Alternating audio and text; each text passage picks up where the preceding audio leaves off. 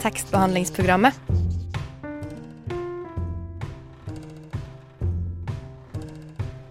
Tekstbehandling på radio.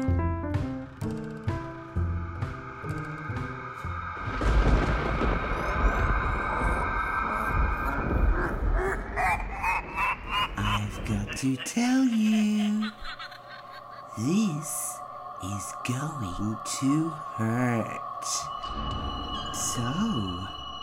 Are you ready? Velkommen til tekstbehandlingsprogrammet Halloween spesial. Feel free to scream whenever you want. Ja. Eh, hvis du hører på oss på podkast, så vær varsom. Jeg ville kanskje ikke hørt på denne sendinga her eh, en mørk natt på ei enslig hytte langt inn i en mørk skog, hvis jeg var det. For eh, ja, jeg kan ikke love mye i denne verden, men jeg kan love at dette, det blir skummelt. Mitt navn er Hanna Nordlien Berg, og med meg i studio så har jeg det, Torolf Høstmeldingen. Livredd. Allerede. Allerede. Uff. Ja. Og så har jo Ja. Nei, det var bare dødsskummel i introdusering av eh, sending. Eh, vi pleier ellers å være så koselige og brillene i pannen og hyggelige her i tekstbehandlingsprogrammet. Ja. Ja, men av og til så må det være litt skummelt i denne verdenen her. Faktisk for at det skal bli koselig. Som, altså yin og yang. Jeg vet ikke om du har hørt om det? Krig og fred. Ja. Mm. ja nei, men vi har ei ganske fullstappa sending i dag, egentlig. Eh, syns du ikke det? Jo, jeg syns det er mye. Det er mye. Litt annerledes sending i dag også. Det er det. Det er en veldig annerledes sending. Um, hos Fen gjest. Mm, kanskje. Ja, sier jeg det? Ja, vi, Ja, vi gjør vel ja. det. Ja. Eh, oss får faktisk besøk av en død forfatter. Kan, skal jeg si hvem det er? Uh, ja. Det er selveste Knut Hamsun. Det er selveste Han har stått opp fra de døde for å snakke med oss. Han har rett og slett det. Altså, greia er at eh, jeg og du, Torolf, oss var jo på eh, God natt Oslo, den litteraturfestivalen, tidligere i høst. Og eh, det har nok den observante lytter fått med seg allerede. og det var blant annet samtale med en død forfatter. Og da ble vi oss veldig inspirerte, så vi måtte rett og slett bare invitere en forfatter hit. Og uh, heldigvis så var Knut Hamsun uh, ledig. Ja, heldigvis. Ja. heldigvis. Mm. Så han kommer snart. Uh, I tillegg så skal vi prate om de skumleste bøkene vi har lest. Vi skal høre på spøkelseshistorier. Vi skal prate om Nobelprisen. Vi skal høre med noen barn om hva de syns er skummelt. Skummelt. Ja. Vi skal grave i mørke hemmeligheter. Det skal vi faktisk gjøre nå. Oi. Ja. jeg har en veldig mørk eh, hemmelighet som jeg tenkte jeg skulle dele. Er det at du stjal godteri i eh, skapet over vasken Um, den gangen? Nei. La oss bare høre på det. Ja. Jeg har en ganske mørk hemmelighet. Det er en hemmelighet som er snart ti år gammel, og den ligger dypt begravd i min barndoms dal. Derfor må jeg ha hjelp til å grave dem fram i lyset. Jeg ringer mamma.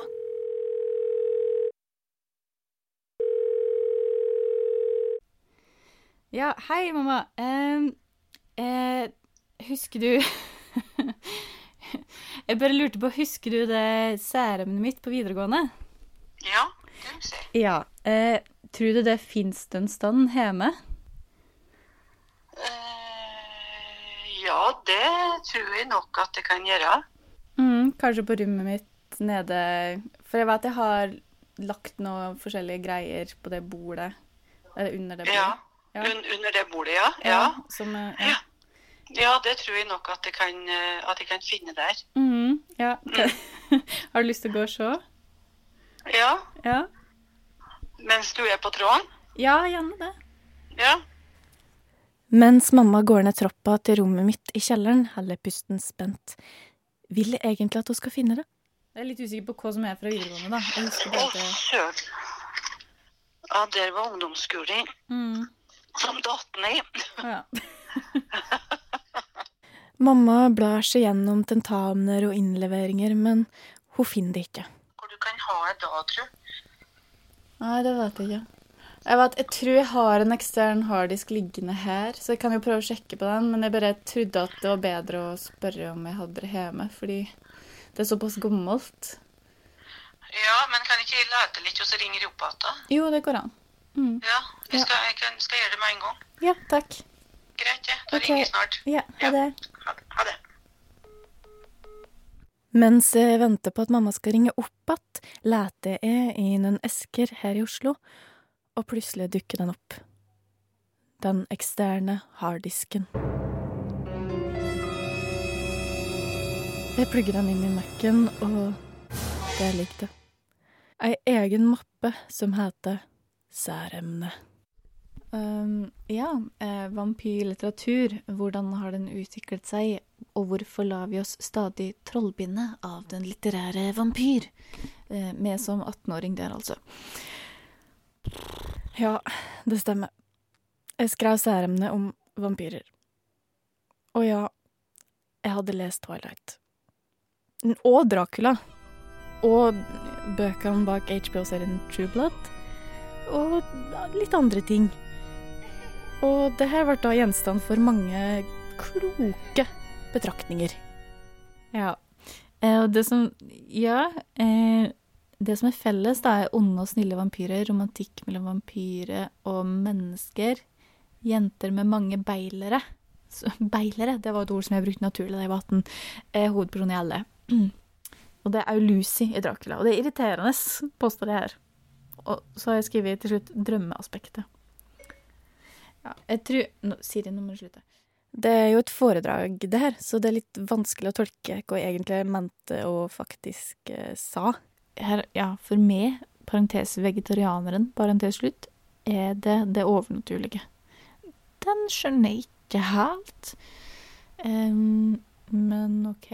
Virkelighetslitteratur, ja vel. Barselbølge, snork. Kanskje det er vampyren som er det neste i norsk samtidslitteratur. Om vi skal lytte til seriene mitt, skrevet og framført på Vinstra videregående skole i 2010, er vår bloddrikkende venn en potent litterær figur med et uuttømmelig potensial. Og det er det som gjør at vampyren er en sikker suksess i litteraturen. Forfatteren kan forme den som en vil, og, og leseren kan tolke den som en vil. Ja. De, de eneste momentene som må med i en vampyrroman, er egentlig at vampyren er litt på sidelinja, og at den drikker blod.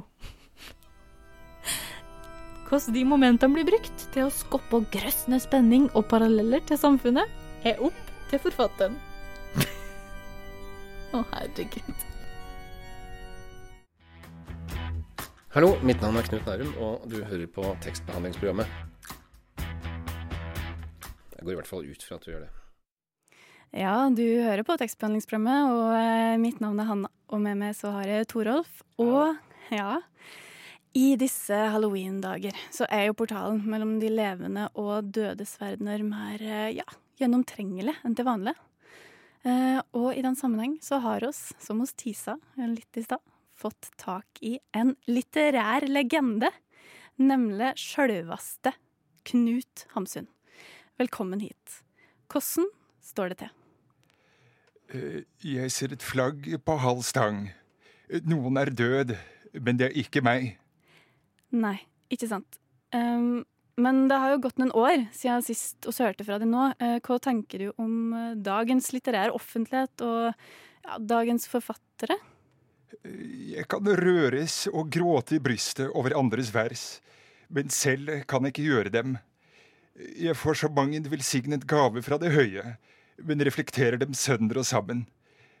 Vet De hva en stor dikter er? Nei Jo, et stor dikter er et menneske som ikke skammer seg, som virkelig ikke blues. Andre narrer har øyeblikket da de skamrødmer for seg selv i enerom, men den dikter ikke. Hva Hva Hva, hva mener du med det? Jeg har mistillit til karakterdikteren. Han tar et menneske for en meget bred ting med et hode på. Ehm, kan, kan du utdype det? Mysterier skal ikke forstås. Det er ikke til underholdning. Men vil man forvanske og utviske store og hellige forestillinger, da skal man forklare mysteriet, gjøre det lettfattelig, trekke det ned til et kirkepublikums forstand, amerikanisere det. Du liker ikke å forklare så mye? I førstningen jeg bodde her, prøvde jeg å forklare dem at jeg ikke hadde drept noen, ikke stjålet noe eller satt ild på et hus, men det gjorde ikke inntrykk på dem. Det kjedet dem. Nå forklarer jeg ingenting mere, for det er ingenting å gjøre vesen av. Eh, Så du mener ikke at du gjorde noe galt mens du levde? Jeg holder det alminnelige omdømmet nokså høyt. Jeg holder vårt norske rettsvesen enda høyere. Men jeg holder ikke like høyt som jeg holder min egen bevissthet om hva som er godt og ondt. Hva som er rett og galt. Jeg er gammel nok til å ha en rettesnor for meg selv, og dette er min. Ja. Eh, Men hvis du skulle leve en gang til og fikk velge fritt, hvem ville du vært da? Jeg vet ikke om de interesserer dem videre for trær. Jo, ja. Trær er fint, det. Det er besynderlig, men jeg føler meg i et hemmelighetsfullt slektskap med hvert tre i skogen. Det er som jeg har tilhørt skogen en gang. Når jeg står her og ser meg om, farer liksom en erindring gjennom mitt hele menneske. Er det noe du angrer på at du ikke gjorde mens du levde? Det er virkelig en mangel ved meg at jeg aldri lærte å sykle. Ja, Den ser jeg, men eh, over til noe helt annet. Eh, vi hadde nylig besøk av tegneserieskaperen Martin Ernstsen her i tekstbehandlingsprogrammet. eh, og han har lagd en tegneserieversjon av eh, din roman 'Sult'. Eh, hva tenker du om det? Hintet æres bli pustet på, hadde levende liv. Eh, det er jeg sikker på at eh, Martin blir glad for å høre. Det moderne sjelesliv er en verden hvor i alt rører seg. Et dyp av mimoser, hvor i vinden puster. Ja, nettopp. Men du har jo skrevet ei ganske skummel novelle som heter Et spøkelse. Og den handler om en gutt som har funnet ei tann på en kirkegård og tatt den med seg hjem igjen. Og så lurte på om du hadde lyst til å lese litt fra den. Eh, er det noe mer du vil si om den først? Forstand er ingen ringe ting å få tilbake når den er tapt. OK. Ja. Da kan du bare sette i gang eh, når du er klar, egentlig. Det var intet lys i borgstuen, og jeg var aldeles alene. Jeg torde ikke uten videre tenne lampen før gårdsguttene kom, men jeg kunne klare meg med lyset fra trekkhullet på kakkelovnen når jeg fikk god ild på. Jeg gikk derfor ut i skålen etter ved. Skålen var mørk. Idet jeg famlet meg frem efter veden, hørte jeg et lett slag som av en enkel finger på mitt hode. Jeg vendte meg hastig om, men så ingen. Jeg kavet omkring meg med armene, men følte ingen. Jeg spurte om det var noen til stede, men fikk intet svar. Jeg var barhodet, jeg grep opp til det berørte sted på mitt hode og hølte mot min hånd noe isende koldt, som jeg slapp slaks, slapp straks. Dette var da underlig, tenkte jeg. Jeg den opp til håret, da var det kolde borte. Jeg tenkte, hva mon det var for noe koldt som falt ned fra taket og traff meg i hodet? Jeg tok et fang ved og gikk inn i borgstuen, fyrte i ovnen og ventet til det begynte å lyse fra trekkhullet. Så tok jeg tannen og filen frem. Da banket det på vinduet. Jeg så opp. Utenfor vinduet, med ansiktet trykket like inn i ruten, sto en mann. Han var en fremmed for meg. Jeg kjente han ikke, og jeg kjente dog hele prestegjeldet. Han hadde rødt fullskjegg, et rødt ullbind om halsen og sydvest på hodet. Hva jeg ikke den gang tenkte over, men som siden falt meg inn. Hvorledes skulle dette hodet vise seg så tydelig for meg i mørket? Til og med fra et sted av huset hvor ikke engang halvmånen skinte. Jeg så ansiktet med forferdende klarhet. Det var blekt, nesten hvitt. Det stirret, og dets øyne stirret liksom imot meg. Det går et minutt. Da begynner mannen å le. Det var ingen hørlig, rystende latter, men munnen åpnet seg på vidt gap, og øynene ble og stirret som før. Men mannen lo. Jeg slapp hva jeg hadde i hendene, og gjennomisnet fra hode til fot. I det uhyre gap i det ledende ansiktet utenfor ruten ser plutselig et sort hull i tannrekken. Det manglet en tann. Tusen takk for eh, at du kom hit til oss i dag, Knut eh, Hamsun. Det har vært ære. Og til sist så lurte jeg bare på, har du noen råd til oss som enda ja, er i live? Livet skal behandles som en kvinne. Man skal ikke være galant mot livet og la henne vinne på seg. Man skal gi seg og gi seg og la alle skatter ligge. Tusen takk. Det skal vi ta med videre.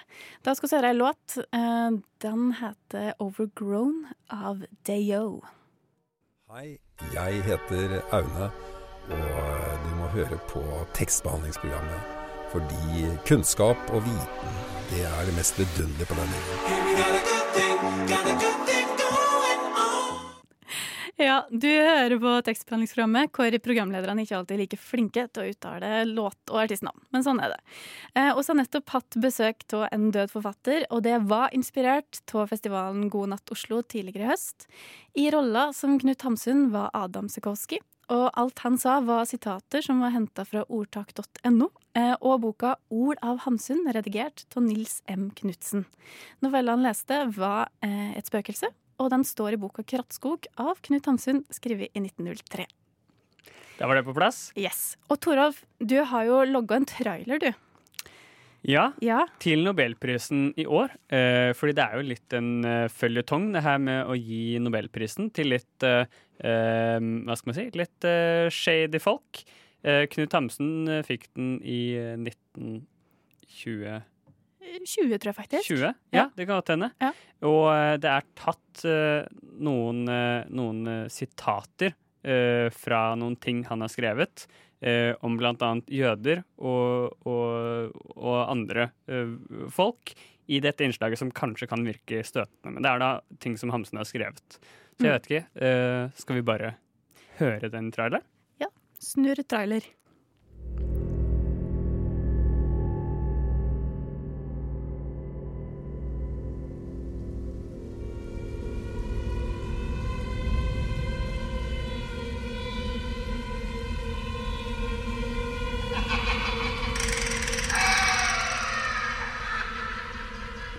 Det ønskelige var vel at jødene ble samlet i ett land som de kunne kalle deres eget, så den eksklusivt hvite rase slapp for videre blodblanding. Det har skjedd før. Negre er og blir negre. En menneskebegynnelse fra trioen. Vesener med tarmer i hovedet. Rudimentære organer på et hvitt samfunnslegeme. De sa det ikke ville skje igjen. Inger forundret seg over at Osanders ikke tagg noe. Det gjorde Osanders alltid. De gjør det, alle lapper. De tygger. De tok feil. Alvorlig feil.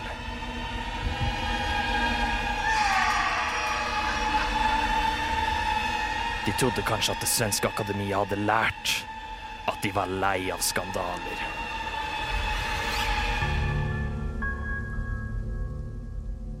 Fra skaperne av Hamsuns nobelpris kommer oppfølgeren Peter Hankes nobelpris. Han skal fornekte folkemord. Han skal holde en tale i begravelsen til sjefen for folkemordet. Slobodan Milosevic. Han skal lukke øynene. Han skal holde en tale. Peter Hankes nobelpris kommer i avisene 10. desember.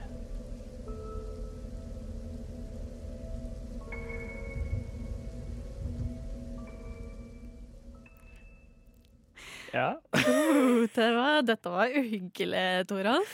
Det er faktisk ganske uhyggelig. Eh, den eh, som får Nobelprisen i år, eh, for 2019, er jo Peter Hanke.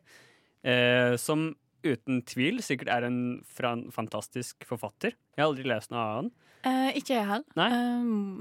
Må-en? jeg vet ikke. Nei, man må ikke det. Nei. Eh, og det er jo litt sånn vi, eh, Hamsun fikk jo Nobelprisen eh, i, 1920. 1920, kanskje? Tre, kan vi si. Og eh, det, han, det var jo uten tvil eh, ganske problematisk eh, i ettertid, i hvert fall. Hvis man ser tilbake på det. Han var jo antisemitt og nazist og gud vet hva. Eh, alle de tingene som ble sagt altså, av en annen stemme i det her, var jo fra Hamsun, ting som han har skrevet. Men Peter Hanke, han har da eh, han, han fornekter folkemordet som skjedde i Kosovo. Eh, I, i Kosovo-krigen eh, på 90-tallet. Eh, han har holdt tale i, altså i presidenten i Serbias begravelse, som da liksom Han har ikke stått for folkemordet, men han har faen ikke øh, Hva skal jeg si motsagt seg det heller, på en måte, og blitt øh, dømt for øh, Altså dømt i folkerettsdomstolen i Haag og alt mulig. Så det er uten tvil en veldig problematisk pris øh, som blir gitt øh, for 2019. Det, det tror jeg må kunne si meg enig i. Det, det var litt fra virkeligheten. Det var det. Eh, men vi skal tilbake inn i bøkene, skal vi ikke det? Jo. Eh, fordi tekstbehandler Emily hun har prøvd å finne ut hvilken bok som er den aller, aller skumleste. Og eh, klarte hun det?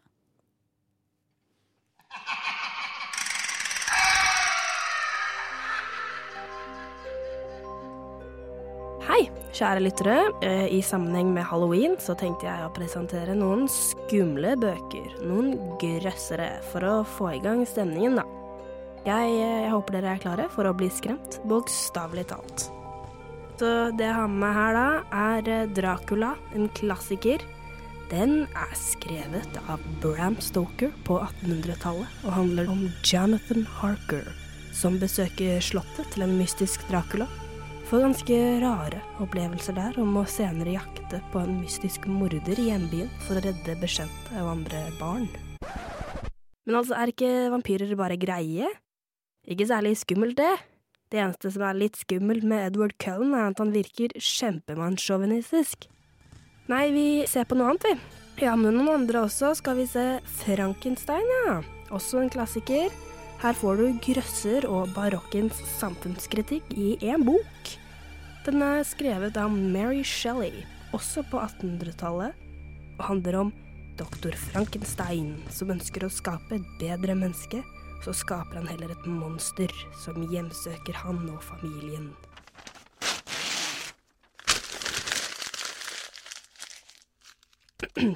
Folkens, ikke for å skryte, men søstera mi studerer faktisk medisin, og jeg har fått inntrykk av at å lage et monster av menneskelige deler er høyt usannsynlig. Jeg prøver ikke å være kjip her, altså, bare realistisk. Skal vi se, neste er egentlig det meste av Stephen King, da, men jeg har plukket ut uh, Carrie, som handler om denne unge jenta som blir mobbet av jentene på skolen og blir psykisk mishandlet hjemme, og som de slutta hevne hevn når hun finner ut at hun har overnaturlige krefter. Eh, ja da, mensen er det ganske skummelt. Kristenfundamentalisme også, men jeg mobber ikke, så jeg tror altså ikke dette er et problem for meg, eller veldig skummelt. Nei, vi skal ikke bare se på bøker som faktisk skremmer, da. Jeg, jeg har tenkt litt på det selv, skjønner du.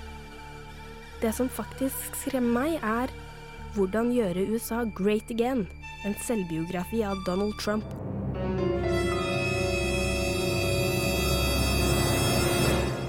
Denne boken er skummel fordi forfatteren faktisk, på ekte, styrer en maktnasjon, og samtidig ikke tror på forskning. Det er skummelt. En annen er Durek Verrets bok. Den er altså skummel da, ikke bare fordi den påstår at kreft er selvpåført, veldig skummelt, men også at den eh, får forlag til å virke ganske dumme, og at de mister sin autoritet. Det bør vi som tekstbehandlere synes er veldig skummelt. Den skumleste boka jeg personlig har lest selv, er Den sjette utryddelsen av Elizabeth Colbert. Er det ikke et supersmart uh, underholdningstriks når morderen egentlig er hovedpersonen som vi har fulgt hele tida? Vel, i Den sjette utryddelsen så er dette hele poenget. Vi er morderen av masse planter og dyr. På ekte. En lignende grøsser skal du lete lenge etter. Men fra spøk til alvor. Eller fra spook til alvor, da. Den skumleste boka i historien må være Min kamp av Adolf Hitler. Konsekvensene av denne boka er skumle. Etnisk rensing er skummelt. Nazisme er skummelt. Jeg får frysninger bare av å tenke på hvor stor påvirkning denne boka hadde for 70 år siden, og også i dag. Jeg vil påstå at boka er så skummel at du ikke er modig av å lese den. Du er gal. Men dette er bare mine personlige meninger, dere. Eh, gledelig halloween. Og ikke tenk altfor mye på det som skremmer deg, ja. Har du en anbefaling? Ja, jeg har en bokanbefaling. En eh, litterær anbefaling. Det må ikke være litterært. Jeg tenkte egentlig å anbefale eh, Tekstbehandlingsprogrammet. TBP. Takst, takst, tekstbehandlingsprogrammet. Så kan Tekstbehandlingsprogrammet. Det er jo en super, super anbefaling. Ja, det er jo det. Det er en super anbefaling. Og skal snakke mer om anbefalinger også, eller kanskje anbefalinger. Eh, mitt navn er Hanna. Du yeah. hører på tekstbehandlingsprogrammet fortsatt. Og jeg har med det, Torolf. Yeah. Og jeg lurte på Har du lest noen skumle bøker? Åh, jeg er ikke så veldig for krim og, og alt det der. Uh, uh, hva skal man si? Horror og sånne ting. Horror. Det er Horror. veldig det norskeste jeg har sagt i dag, tror jeg. Ja. Men jeg har lest en eh, roman som heter 'Våke over dem som sover'. Jeg har snakket om den på dette programmet før. Det er en samisk forfatter som har skrevet den, og den handler om overgrep i Alta. En eh, veldig mørk fortelling eh, med da en kunstner som kommer til Alta, skal lage et kunstverk, og det har nettopp vært en, en kjempestor eh, overgrepssak som har blitt eh, rullet opp i eh, denne lille byen, da. Eh, og midt i denne byen så står det et sånt nedbrent hotell hvor det har skjedd da en masse fæle ting. Så det er en veldig skummel og altså igjen, virkeligheten er skumlere enn uh, fiksjonen, på en måte. Dette Ah, er jo fiksjon, uh, men det var på grunn av Den ble liksom skrevet som en reaksjon på noen ting som skjedde i Ja. eh, Kirkenes Alta-området, liksom. Ja. Hva med deg? Uff, ja, det der var hardt, altså. Ja, nei, jeg er litt på samme, egentlig. Fordi som det ble avslørt tidligere i programmet, så har jo jeg lest My Fair Share of uh, vampyrlitteratur. Men jeg vil ikke si det er det skumleste jeg har lest. Uh, jeg tenker veldig fort på Joseph Conrad med 'Heart of Darkness'. Det er en klassiker. Den leste som en del av et litteraturfag en gang. Utrolig mørk og skummel. Sånn, I i samme gate, eller altså sånn ikke ikke fordi det er med spøkelser eller monstre, eh, men fordi de bare er veldig veldig ekle. Det er sånn menneskelig ja, overgrep. menneskelig ekkelt. Sånn, ja, ja. Langt inn sånn mørk elv i Kongo, og Ja. det er bare grusomt. Ja. Mm. uh, men faktisk, sånn apropos overgrep, uh, så Hvis jeg skal tilbake til vampyrlitteratur, da, når jeg kommer på nå eh, Jeg prøvde faktisk å lese låten 'Rette komme inn'. Det var TDSR-emnet som jeg, som jeg dykka inn i tidligere. Og den måtte jeg faktisk slutte å lese, fordi, ikke fordi jeg syntes det var så ekkelt med vampyrer, men fordi det var en forferdelig overgrepsskildring der. Wow. Ja, det er noe med ja, Jeg har ikke lyst til å si det engang. Det er noe på, med prostituerte og barn, og det er bare helt grusomt. Så eh, anbefales kanskje ikke hvis du har en sart sjel. En uanbefaling, hvis det er rett? Ja, ja. Anti-anbefaling. Ja, anti-anbefaling. Men eh, en ting er skumle bøker, men hva hvis det som er på en måte rundt bøkene, er skummelt? Uh, vår kollega Ingrid har vært i hjembyen sin i helga og trådd i sin barndoms fotspor. inn til Heimdal. We are now approaching Heimdal. Nå er jeg på vei til Trondheim, og jeg skal til det stedet som jeg var mest redd for da jeg var barn.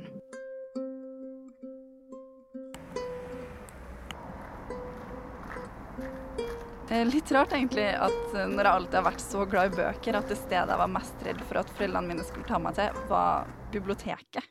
For for å komme deg fra inngangen og til selve biblioteket, så må du nemlig gå over en slags gangbru, og der, bare noen meter under deg, ligger dem. Skjelettene.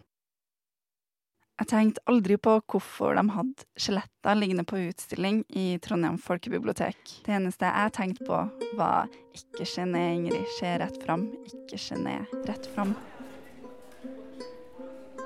Men nå er jeg altså her.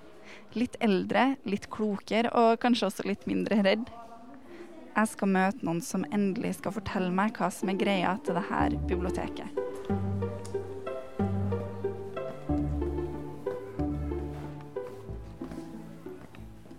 Og jeg merker liksom at eh, blikket mitt fortsatt styres rett frem når jeg går her. Det er akkurat som om det har blitt en sånn vane, et sånn instinkt.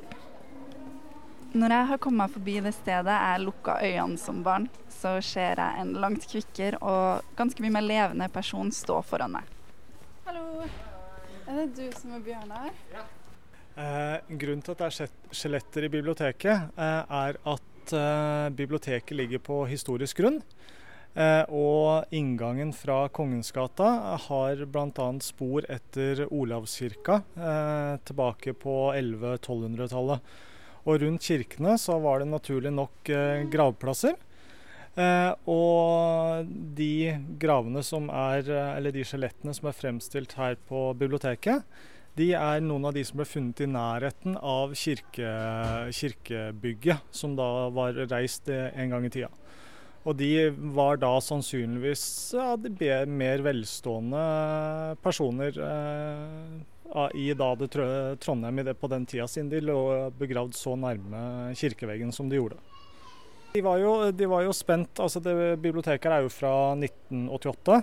eh, og skjelettene Det ble jo bestemt eller ble bestemt, Man lurte på hvordan man skulle fremstille de arkeologiske funnene. Da var man veldig spent på hvordan folk ville ta det her. Men alle, ikke alle, men de aller fleste tilbakemeldingene i starten var positive.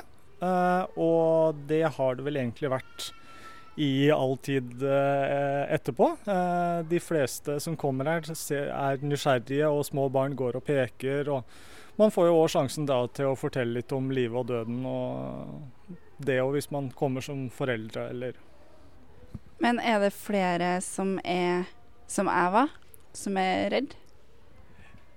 Jeg vil tro at det vil være noen som har vært redd, eh, men vi, vi har ikke fått mange tilbakemeldinger om barn som har eh, vært redd for å komme på biblioteket pga. skjelettene. Det har vi ikke.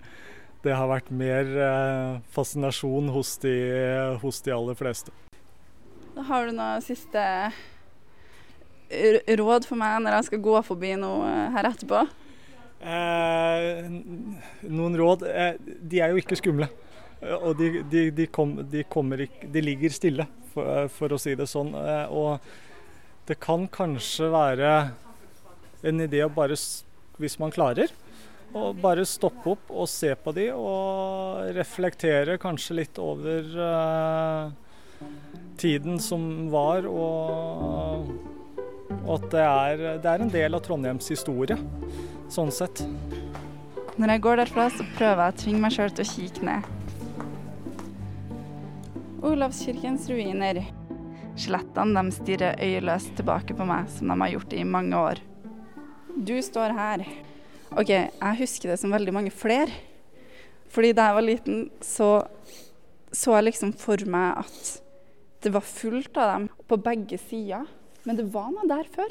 For hvis man har med det lille fosteret, så som jeg ikke hadde lagt merke til, som ligger helt nederst ved tåa til det ene skjelettet, så er det fire.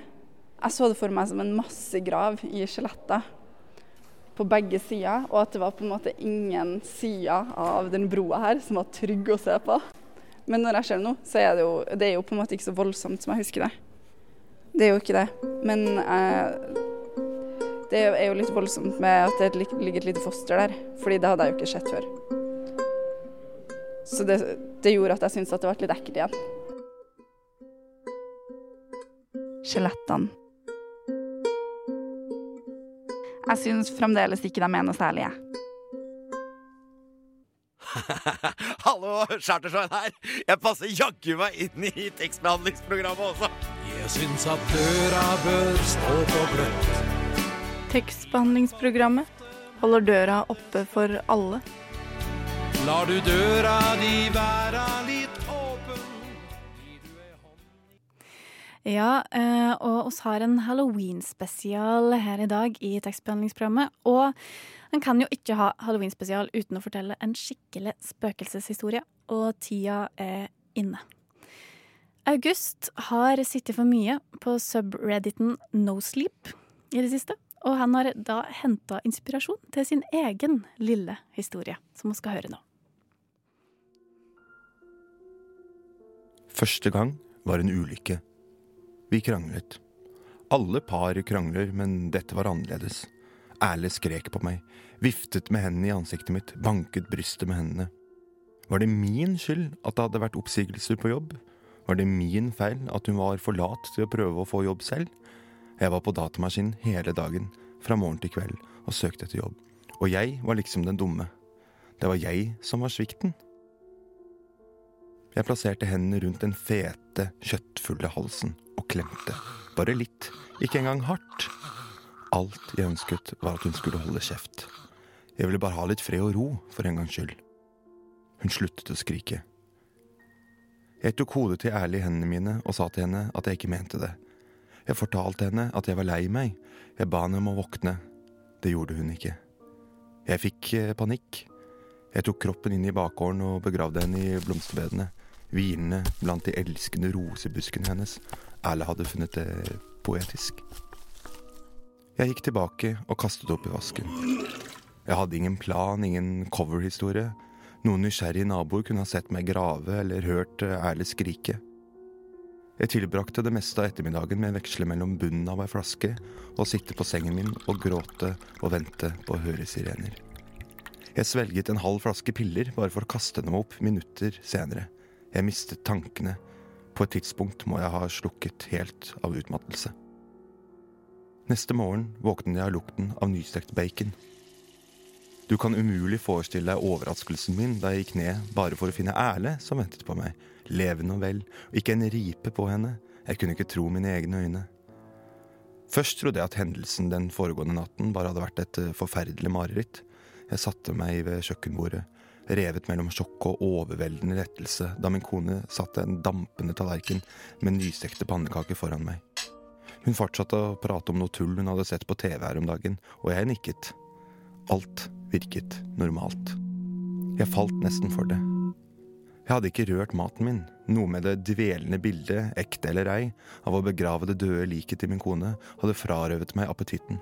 Erle oppfordret meg til å spise, men jeg var bare ikke i humør. Imidlertid la jeg merke til at hun ikke spiste heller. Jeg kommenterte det, men hun fortsatte å snakke om noe på TV som om hun ikke hadde hørt meg. Til slutt bestemte jeg meg for at jeg måtte fortsette med å søke etter jobber. Jeg reiste meg fra den uberørte frokosten til Erles protester og begynte å bevege meg mot stuen. På veien stoppet jeg for å ta en øl fra kjøleskapet. Da jeg gikk for å kaste korken, la jeg merke til en skinnende flaske i søpla. Rottegift var skrevet på etiketten. Jeg lurte på hvor Erle hadde sett rotter huset, så jeg snudde meg og spurte henne. Det var akkurat i tide til å se henne hoppe mot meg med en kniv. Jeg husker ikke helt hva som skjedde videre. Det var en kamp. Det neste jeg visste, var at jeg sto over kroppen til kona mi, som lå ubevegelig på kjøkkengulvet. Armene og håndleddene mine var dekket av kutt, men kniven, den var begravet i magen til Erle. Det var blod overalt. Jeg sjekket for puls, men hun var død. For andre gang hadde jeg myrdet min egen kone. Da jeg prøvde å berøre strømmen av mitt eget blod, ble jeg livredd. Hva skjedde? Hvorfor hadde Erle prøvd å drepe meg? Visste hun ikke at jeg allerede hadde drept henne? Etter at jeg hadde bandert armene mine, sjekket jeg pannekakene på kjøkkenbordet. Jeg kuttet Jeg kunne ikke si det sikkert, men etter å ha kuttet dem åpne og undersøkt dem nærmere, tenkte jeg at jeg kunne lukte et svakt spor av rottegift. Jeg var så usikker på hva jeg skulle gjøre nå. Jeg ringte nesten politiet. Men så skjønte jeg at kroppen hennes var borte. Blodet dekket fremdeles kjøkkenet, men det var ingen tegn til Erle. Jeg lette i hele huset og lurte på om hun på en eller annen måte hadde klart å overleve og krype vekk, men det var ingen tegn. Neste morgen sov Erle fredelig ved siden av meg i sengen da jeg våknet. Igjen ingen sår, ingen tegn på skade. Faktisk så var hun vakker, vakrere enn hun hadde vært på mange år. Øynene hennes åpnet seg. God morgen, kjære, sa hun og smilte. Jeg har en gave til deg. Hun fomlet etter noe ved siden av sengen. Jeg tok fort tak i puten og klemte den over ansiktet hennes. Jeg holdt den der, lenge etter at hennes hektiske bevegelser hadde sluttet. Etter at jeg var sikker på at hun var død, så jeg på hva hun hadde lett etter. En ladet pistol lå på nattbordet. Jeg tok med meg en spade ut i hagen. Jeg rev opp blomsterbedene så raskt jeg kunne. Snart fant jeg det jeg lette etter. Erles råtne ansikt som gliste opp mot meg. Mark krøllet over henne, og stanken var overveldende. Hun hadde vært død i flere dager. Jeg lå ansiktet i hendene mine og skrek. Jeg har drept min kone tolv ganger. Hver morgen kommer hun tilbake og plager meg. Jeg har ikke sovet, jeg har ikke forlatt huset. Jeg er så redd for at hun kan vente rundt et hvilket som helst hjørne. Hun venter på hevn.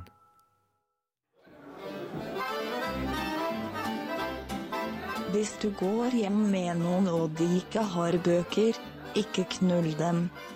Hilsen tekstbehandlingsprogrammet. Ja, du hører fortsatt på tekstbehandlingsprogrammet, og det er fortsatt en veldig sånn ekkel eh, halloween-spesial. Ekle temaer i dag, altså. Ja, litt ekkelt. Ja, det er litt ekkelt. Og jeg må si, Torolf, at jeg ble litt inspirert nå av August sin spøkelseshistorie. Fordi jeg har en liten en sjøl, Oh, og den er sann. enda bedre. Ja. Eh, Du har hørt om eh, den amerikanske, tror jeg, poeten. Edgar Allan Poe. Mm. Ja. Det var sånn at i 1838 så eh, skrev eh, han en historie om Det var vel fem menn, tror jeg, som var i et eh, skips... Hva heter det? Skipsvrak, skulle jeg si. Når du eh, Skipsforlis. Skipsforlis, Ja. takk! det ordet var tatt borte for meg. Eh, De var i et skipsforlis, eh, havna på en sånn liten robot, eh, lå der i dagevis. Måtte til slutt trekke strå. Den som trakk det korteste strået, eh, ble de enige om å spise. Og hans navn, han stakkarsen som trakk det korteste strået, han heter Rickard Parker. Og her kommer det ekle. Fordi i 1884, 46 år etter Poe skrev den fortellinga her, så skjedde det her på ekte. What? Ikke med Poe? Nei, ikke med han, men akkurat det her skjedde. Det var fem menn som satt og måtte trekke strå, og han som ble spist, hette Rickard Parker. Nei! Jo. Er det sant? Det er sant. Det er jævlig What? ekkelt. Det er jo helt sykt. Ja. At det har samme navn nå. Det er jo sånn Nei, det Jo, det er sant. Wow! Det er sant. Ja. Det er eh, ekkelt å tenke på. Ja, ja. Eh, han er jo veldig ekkel òg, Edgar Allan Poe. Eh, Ja, eller hva? Han er vel død, eller ja, ja. Han, eh, han er vel Han er død, ja. Han døde på slutten av 1800-tallet, eller eh, et eller annet. Ja, noe sånt. Ja. Uh, han døde faktisk også under litt merkelige omstendigheter. Okay. Uh, han ble funnet sånn ravende rundt i gatene i Baltimore, sånn i delirium. Uh, og det var sånn et par år etter at kona hans uh, var død. Og så døde han fire dager etterpå. Man vet ikke hvorfor. Hva han døde av. Man aner ikke. Å, herregud. Vet du hva, nå blir det for skummelt for meg, i hvert fall. Jeg vet ikke. Jeg tror vi trenger noe litt koselig. Eh, og heldigvis så har vår kollega Katrine sittet barnevakt i eh, det siste. Og hun tok med seg opptakeren og hørte litt om hva den yngre garde har å si om skumle bøker og halloween. La oss høre litt på det. Vi skulle snakke litt om halloween. Ok. Ja, men Skal vi ikke lage litt sånn lyder eller noe? Jo, vi kan lage litt uh, skumle lyder. Hva med piano?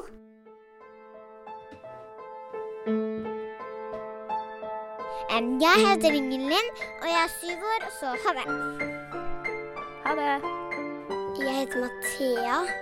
Eh, jeg er åtte år, og eh, jeg synes ofte filmer kan være litt skumle. Hva er det skumleste du vet? Jeg syns det er litt skummelt når eh, eh, noen eh, skremmer meg. det er Hvis det er en sånn menneske under garasjen. Et menneske under garasjen? Ja, så er det bare fake. Ja. Og så er det sånne, nei, sånne skumle musikker og sånn.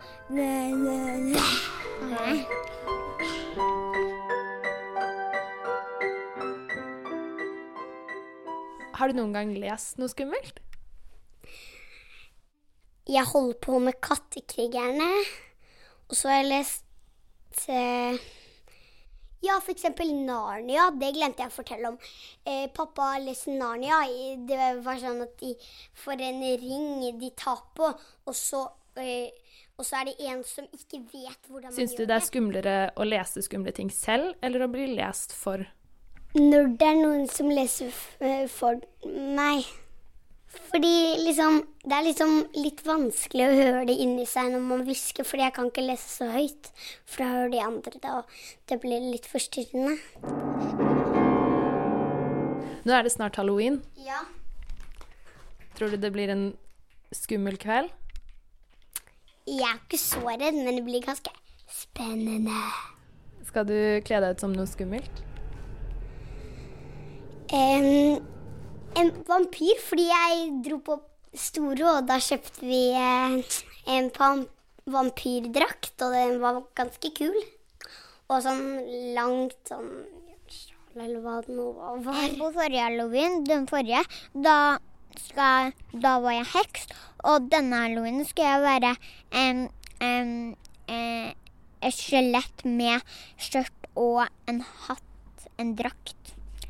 Det skal også blod. Det blir sånn derre eh, Oh my god, du ser sånn blod ut. Sånn der, da.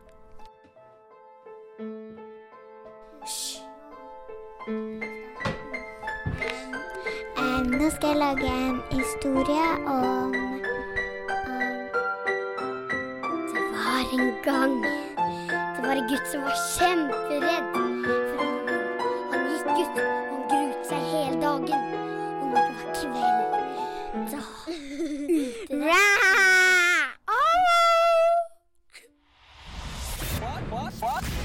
Radio Nova er best. Alle andre er tapere. Radio Nova.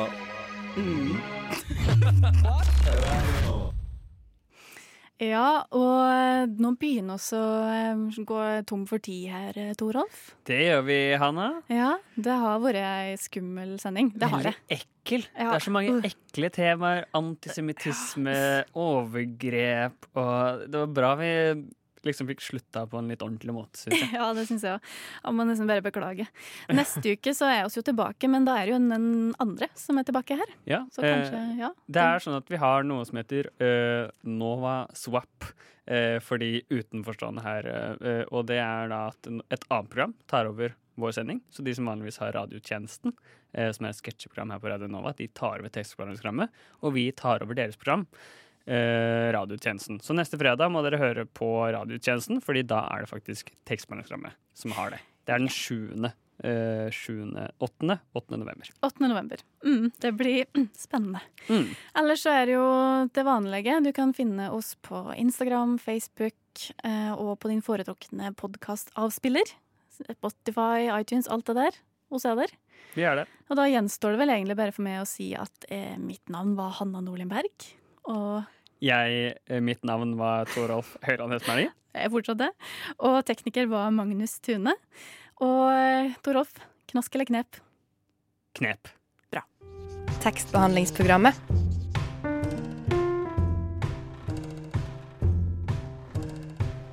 Tekstbehandling på radio.